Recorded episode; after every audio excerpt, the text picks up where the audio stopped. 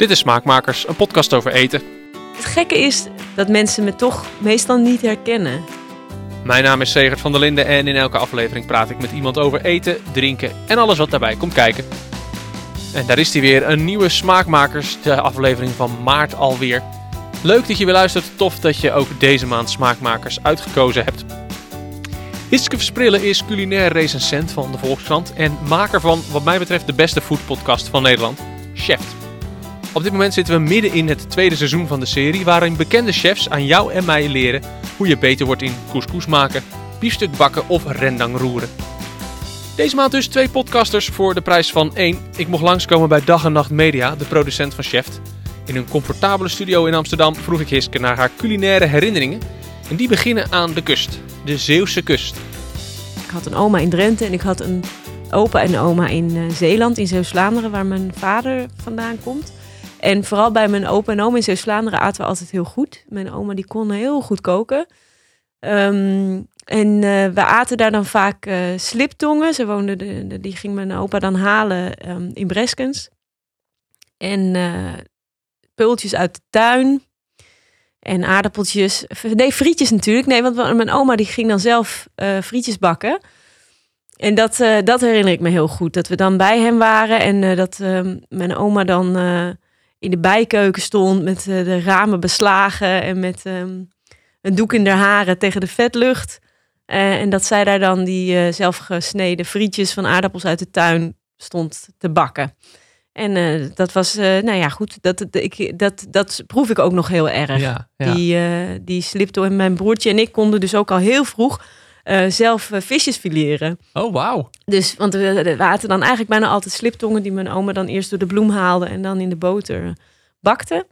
En, uh, en dan met die frietjes en peultjes uit de tuin. Wauw. Um, ja, daar heb ik hele goede herinneringen aan. Ja, ja, ja. En dan ja. als toetje aten we dan chocoladepudding die zichzelf gemaakt had van, met maizena. Oh ja, ja, ja. Niet zo'n pakje. Niet maar, uit een pakje, nee. nee. Ik kreeg daar vaak straks zo'n pakje, zo'n Saroma pakje. Saroma pakje, ja, is ook lekker. Ja, echt, dat was echt, oh, dat is echt zo'n jeugdsentiment. Ja, ja, met zo'n, maar ik, ook echt van, van die pudding met zo'n, waar dan zo'n donker vel op zat. Oh, was het. ja, ja, ja, ja. ja. Nee, mijn moeder deed dat altijd, of dat doet ze nog steeds wel. Dus als we komen eten, dan zo'n verrassing, dan zo'n laagje suiker eroverheen. Dan is het oh, nog ja. warm en dan suiker en dan slagroom. Slim, oh. ja, oh, heerlijk, ja. Oh, lekker. Wel grappig dat dus jouw oma dus alles gaan heel lokaal halen. Dat is natuurlijk nu helemaal hip en dat moeten we, dat, dat willen we allemaal steeds meer. Maar jouw oma, die, voor jouw oma was dat gewoon normaal. Dat hoorde er gewoon bij. Ja, ze hadden een moestuin en daar haalden ze heel veel uit. Ja. Uh, achter in de tuin. Mijn uh, opa die uh, hield heel van, van tuinieren. Dus ik denk, ja, de, het, het, ligt ook best wel afgelegen. Er waren niet echt supermarkten of zo. Er was nog wel een bakkertje in dat dorp en een slager. En, um, maar, de, maar inderdaad, ja, ze, ze haalden veel uit eigen tuin. Mijn opa die ging ook nog wel zelf um, kokkeltjes en um, uh, van die ontjes en hoentjes noemen ze dat. Ontjes en hoentjes, dat zijn haantjes en hoentjes. Dat zijn dus ja, kokkeltjes. Oké. Okay. Ging hij rapen. En um, ja, ik heb het idee dat ik dus een herinnering ook aan hem heb dat hij aan het garnalenvissen is met een kor. Dus dat is zo'n groot um, een soort juk wat je om hebt met een groot net dat je achter je aansleept in de branding.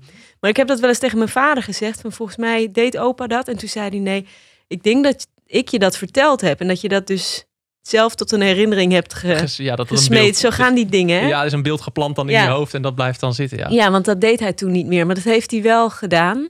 Is daar jouw liefde voor eten ontstaan?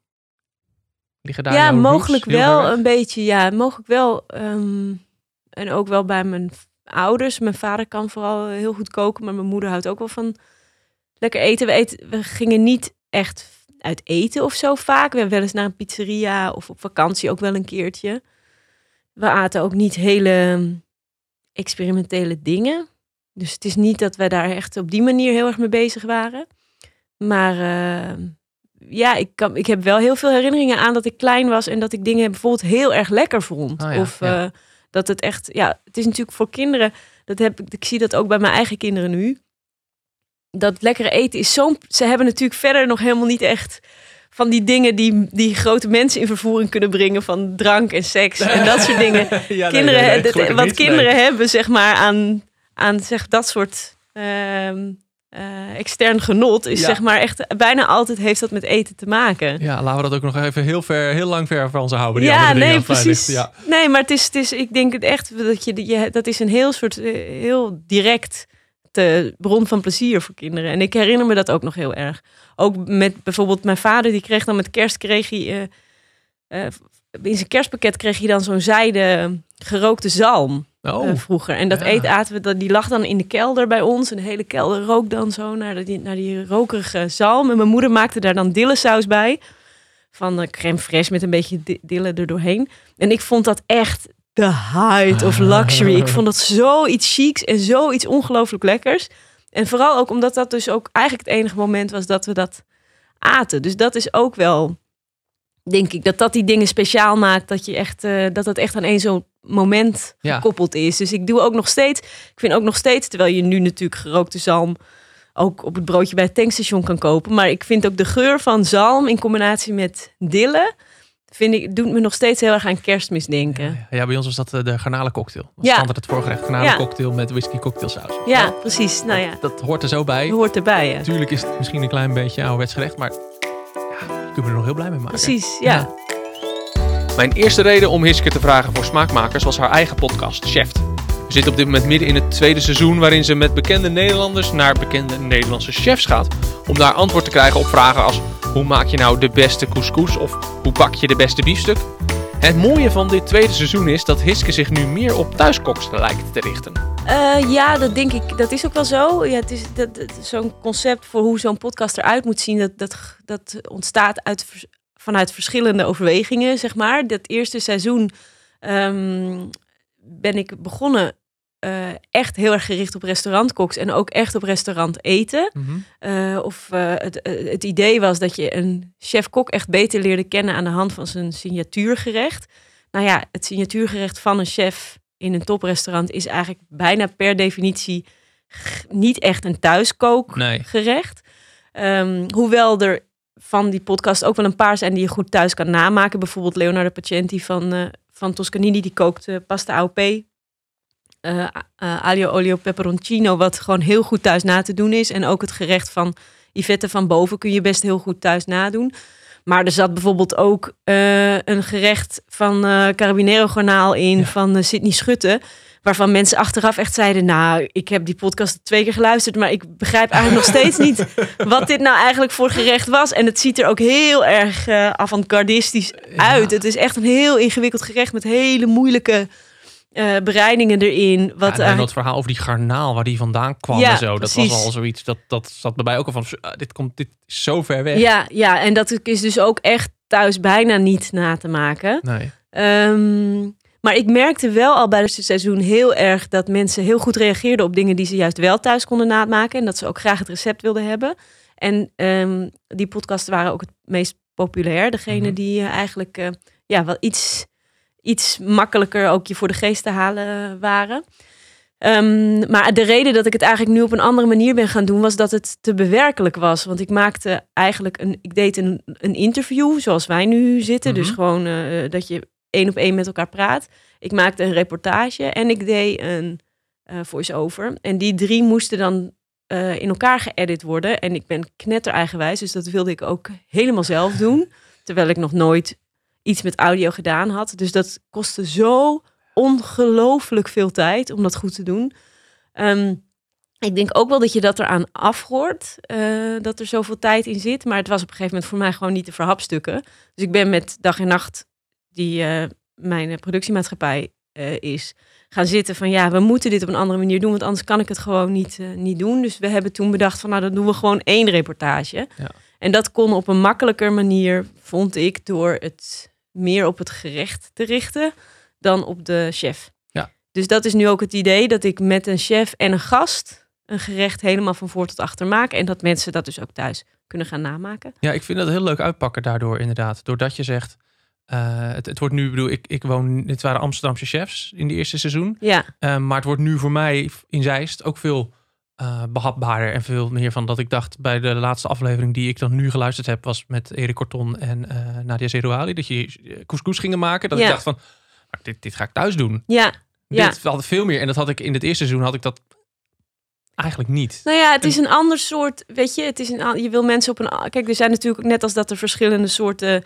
geschreven interviews zijn. Sommige zijn een reportage, je hebt een reportage, je hebt een interview en je hebt een recept.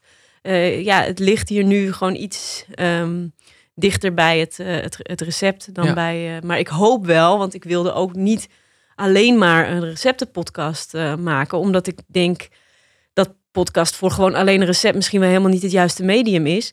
Ik wilde ook wel echt heel graag met die gast in gesprek en met die over wat dat gerecht dan voor diegene betekent en, en met de chef over ja, juist eh, de, de, echt van die goede hacks die je in een Ja. recept eh, hebt zitten en die, die je vaak pas leert op het moment dat je het een aantal keer gemaakt hebt. Nou, dat vind ik leuk dat je dat bij zo'n reportage waarbij je echt meeluistert, kom je dat soort dingen echt heel erg tegen. Bijvoorbeeld, ik ben dan nu bezig met het editen van een podcast over gehaktballen. En die chef-kok die die gehaktballen gaat eh, maken, Pieter Dame, nou, die neemt echt heel erg de tijd om uit te leggen hoe je dat gehakt dan moet kneden en hoe dat dan moet gaan binden. En dat er niet een heel ei in moet, want dan wordt het te hard, maar een half eitje. Oh. En wat voor vlees je dan moet gebruiken, dat er vet in moet zitten. En nou ja, dat soort dingen lees je heel vaak gewoon- in echte recepten lees je die Ja. niet, maar in zo'n podcast kun je daar echt tijd aan besteden. Juist heel leuk dan. En dat, ik had het inderdaad in die eerste aflevering eh, met de Rengnan, eh, dat over dat eh, laagje olie dat dan naar boven komt. Ja, En dat dat dus ook gebeurt. Ik had, ik had dat nog nooit gezien bij een tomatensaus. ja. Volgens mij kwam je- jij daar zelf moet mee. je langer wachten. Moet je nog langer wachten, ja. Gewoon niet zo haast, Ja, zei je. ja. Ja. ja, het motto van chef is hoe meer je weet, hoe meer je proeft. Mhm. Is dat een soort levensmotto voor jou of zo? Hoe- Nee, hoe dit was echt zo, dat motto. Dat motto is echt, het is ontzettend grappig, want dat heb ik echt volgens mij eh, bij het schrijven van die eerste eh voice-overs, dat we dachten we moeten eigenlijk een soort van motto hebben. Ja. Of tenminste, ik dacht zelf aan een podcast die ik zelf heel erg leuk vind, is The Sporkful, een Amerikaanse Mhm. podcast over eten. Eh, en die hebben als motto: It's not for foodies, it's for eaters. Ja. Eh, en dat vind ik altijd vond ik, vind ik heel aansprekend dat ze dat altijd zeggen erin. Dus ik dacht, ik wil ook zo'n motto hebben. En toen vloepte dit er echt ineens een beetje uit.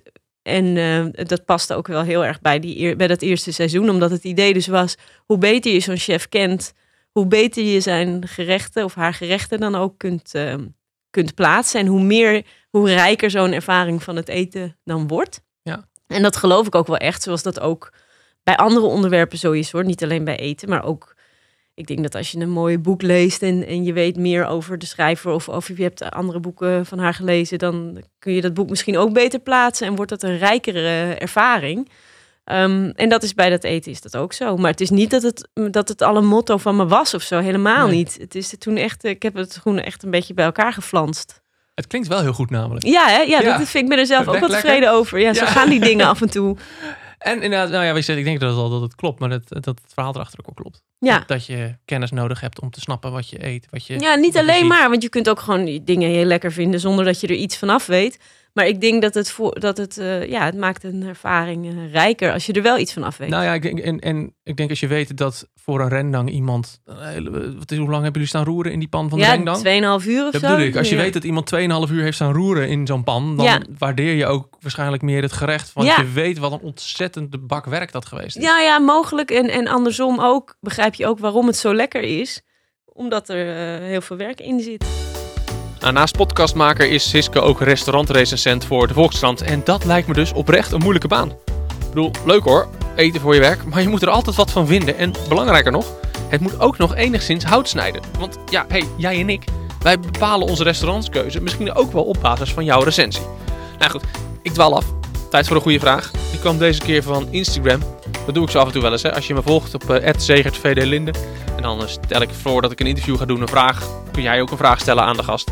Deze keer reageerde Aline en die vroeg aan Hiske, joh, hoe kies je nou uit al die duizenden restaurants in Nederland dat ene restaurant waar je die week gaat eten? Nou ja, ik werk heel erg vanuit eigen interesse. Eigenlijk, dus er kunnen verschillende redenen zijn waar- waarom een restaurant interessant is. Eh, dat kan te maken hebben met het feit dat het een nieuw restaurant is met een bekende chef. Eh, weet je, Joris Beidendijk opent een nieuwe zaak. Nou ja, daar wil ik dan wel heen. Ehm, of eh, het heeft te maken met het feit dat ik iets hoor over een bepaalde keuken die ik nog niet kende. Laatst had ik er een restaurant wat eh, van eh Oeigoeren is, van die Chinese minderheid die Oh. nu zo wordt onderdrukt. Daar denk ik dan van, oh wat interessant, er zijn dus ineens allerlei restaurants van. Omdat die mensen allemaal wegvluchten daar, Oh, omdat ja. ze dus heel slecht worden behandeld. En wat is dat eigenlijk voor keuken? Dus dat kan ook een reden zijn Ja. Of gewoon dat ik ineens denk van, goh, ik heb nog nooit een pannenkoekenrestaurant gerecenseerd. Wat zou eigenlijk het beste pannenkoekenrestaurant van Nederland zijn? En wat is eigenlijk de geschiedenis van die pannenkoeken? Ja. Dus er kunnen allerlei redenen zijn waarom iets interessant is. Ehm, en ook heel vaak krijg ik gewoon brieven van mensen die zeggen, oh, ik heb zoiets leuks. Eh, moet je daar niet een keer gaan kijken? Dus ik heb eigenlijk altijd een heel groot bestand met allerlei ehm, restaurants erin eh, die, die een mogelijk onderwerp zouden kunnen zijn van een recensie.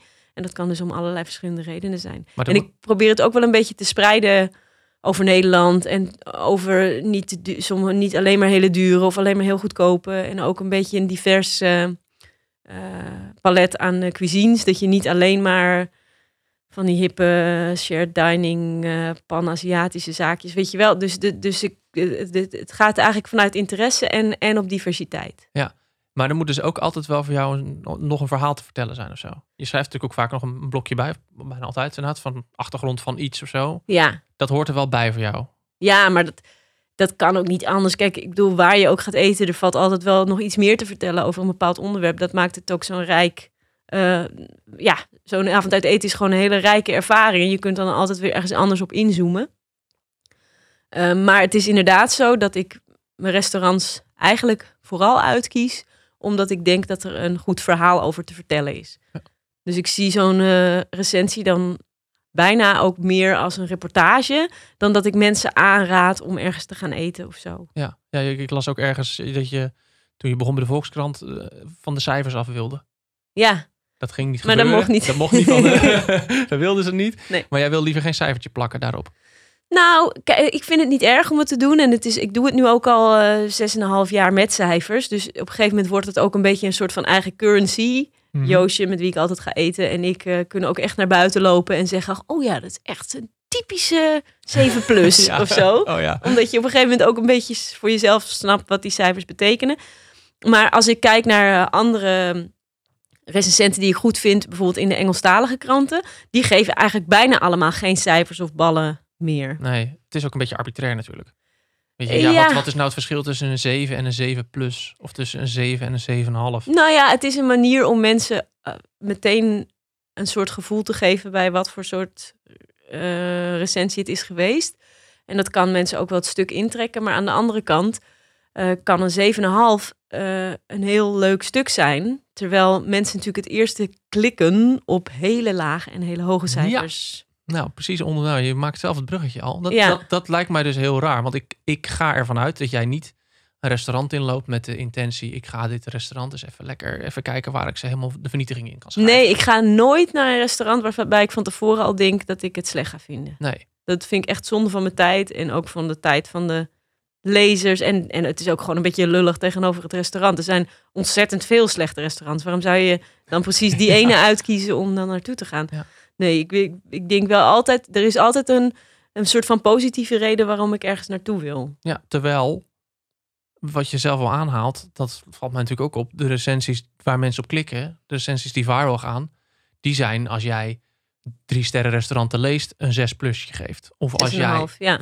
6,5 was het. Eh, of, of als jij eh, eh, een restaurant, eh, wat was het, hart en ziel van, van eh, een, een 4 geeft of zo, weet je wel, Ja. dat soort dingen. Ja. Dan gaan mensen klikken. Dat lijkt me Ja. ook heel raar of zo. Een beetje gek. Ja, maar goed, dat, is niet, eh, dat ligt niet aan het cijfer. Dat ligt gewoon aan het feit dat mensen graag vanuit een soort uh, schadenfreude negatieve recensies lezen. Ehm, ja, dat is, dat is ook zo bij Jay Rayner bijvoorbeeld van The Guardian. Is echt de koning van de negatieve recensie. Hij schrijft hele grappige, hele gemene negatieve recensies. Hij schrijft ook hele goede positieve recensies. Maar als hij in Parijs ehm Le Cinq kapot schrijft, wat een drie sterren restaurant is, dan dat ik denk dat er nog nooit een recensie zoveel is gelezen als die. Ja, Ehm, ja, dat is gewoon iets waar mensen mensen houden gewoon van negatieve recensies. En wat ook wel zo is, het beschrijven waarom iets vies is of waarom iets niet lekker is, boort ook weer een soort hele andere eh, creativiteitsader Ja. aan dan waarom iets wel eh, lekker is. Dus in die zin ehm, ben je ook op een andere manier aan het schrijven dan. En, en ja, mensen kunnen ook gewoon van die stijl houden. ja, ja. Ja, en toch eh, kan ik me ook wel voorstellen dat, je, dat het voor jou soms ook fijn is dat je in een restaurant zit en dat als je dan denkt, eh, weet je, ik, als ik in een restaurant zit en ik heb, eh, weet ik veel, eh, slechte ervaring, vervelende ober, slecht eten, krijg niet wat ik besteld heb, weet ik veel wat. Dan ga ik naar huis en dan heb ik, het gewoon rot. Jij kunt dan naar buiten lopen en denken, oké jongen, jij hebt het verdiend. Nou, dat is zelden zo, moet ik zeggen. Dat je echt denkt, ik heb, het, ik heb vaker dat ik het echt vervelend vind voor het restaurant. Dat het zo, ik, ben, ik heb nu gisteren een recensie afgemaakt die over twee weken eh, verschijnt, die, die best wel negatief is. Mhm. En dat, vind, dat doe ik niet. eh, dat, dan zit ik niet te denken van, goh, oh wat lekker, ik ga eens even... Want eh, ja, het is heel vervelend voor een restaurant als ze zo'n negatieve recensie krijgen. En vaak hebben ze er ook niet om gevraagd dat ik kom. Nee, dat is waar. Ja. Ehm, het gebeurt soms wel dat ik wel denk, ja, mijn god, wat een verschrikkelijke mensen. Eh, weet je wel, they've got it coming of zo. Maar Ja. dat is echt, meestal is dat niet zo. Nee, nee, nee, want het is een soort macht of zo die jij hebt natuurlijk. Je zit in een vrij machtige positie. Ja, maar het is macht in die in macht die, die je hebt vanwege je, ja, vanwege het positie dat de krant en dat de lezers eh, aan je geven. Kijk, ik zit ook in dat restaurant omdat ik aan het werk ben. Ja. Weet je wel? Ehm, dus het is niet. en trouwens, als ik voor mezelf uit eten ga, ga ik ook echt bijna altijd naar dezelfde vier of vijf zaken Waar ze je kennen. omdat ik gewoon heel. Omdat ik gewoon in mijn vrije tijd best wel eenkennig ben of zo. En ik wil dan gewoon zeker weten dat het lekker is. En dat het ook niet awkward wordt omdat het niet lekker is of zo. Ja, ja, ja. En omdat dan eh, heb je misschien ook niet... Ik kan me voorstellen als jij een restaurant binnenloopt... dat mensen... ik bedoel, jij- je komt op tv, je bent een redelijk bekend gezicht. Dus mensen op een gegeven moment denken van... Het is Hiske Versprillen. Hiske Versprillen zit in de zaal. Eh, ze is er. Ze is nou, er. ik weet het niet. Het, het gekke is toch, of het gekke, ik doe er ook wel een beetje mijn best voor. Maar dat mensen me toch meestal niet herkennen. Nee? Oh, wat grappig. Nee. Nee. Dat, eh, Nee, want jouw, jouw voorganger bij de Volkskrant, Mac van Dinter, nou, maakte er echt een punt van. Die kwam niet in de media. Die, Ja. Er was, was niks van hem te Geen vinden. foto's, Totdat niks. hij stopte bij, hè, met recenseren. Ja, Ehm, jij niet. Ja. Nee, dat is zo. Ja, ik probeer wel op verschillende manieren om een beetje low profile te blijven. En ik denk ook dat het voor een vrouw eh, makkelijker is om jezelf een beetje onzichtbaar te maken dan voor een man. oh ja? Bijvoorbeeld, ja. Nou ja, bijvoorbeeld, zeg maar, als ik op de foto moet of als ik op televisie eh, moet, dan zeg ik altijd: het smeer er maar lekker veel op. Weet je wel, dan krijg je van die mevrouw eh, make-up en eh, zo. Als ik uit eten ga, dan doe ik gewoon mijn saaiste trui aan en, een- en, en, en, en een knotje in. Ja, ja. En mensen zien je dan gewoon niet. Ja, het is, ik denk echt dat het, dat het daar ook wel mee te maken heeft. Dat dat voor, weet je wel, bijvoorbeeld een lange man als Mac van Dinter... of een hele dikke man als Johannes van Dam... moeilijker was dan gewoon voor twee vrouwen die met z'n tweeën ergens gaan eten. Ah, ja. De, en ik, dat, ik weet het niet zeker en ik weet ook niet of het zo blijft, weet je wel. Want ik doe dit natuurlijk, ik wil dit nog heel lang doen. En ik, eh, maar het, het verbaast me wel dat het eh, nog steeds zo is dat ik eigenlijk, nou ja, je weet het natuurlijk nooit helemaal zeker, maar dat ik eigenlijk zelden word herkend. Grappig. Ja. Dat had ik niet gedacht. Dit was Smaakmakers voor deze maand. Leuk dat je luisterde. Hiske, bedankt voor je medewerking. Wil je Chef luisteren? Die staan allemaal klaar in je favoriete podcast-app. Ook Dag en Nacht Media bedankt voor het gebruiken van hun studio. En jij dus bedankt voor het luisteren. Mocht je nou luisteren via Apple Podcast, laat dan eens een keer een recensie en een review achter. Dat zou ik echt heel tof vinden. Dat helpt eh, namelijk anderen om de podcast weer te vinden. Vuurmeestertje, die deed dat bijvoorbeeld ook. Die eh, zei, eh, in een korte tijd is het een dagelijks ritueel geworden. Mijn dag begint met Zegert en met Smaakmakers. Een beter begin van de dag kan ik mij niet voorstellen. Dankjewel daarvoor. Wil je ook een keer zo'n recensie achterlaten? Dat kan dus via de Apple Podcast app. Volgende maand is er weer een gewone Smaakmakers. Hopelijk luister je dan weer. Tot dan!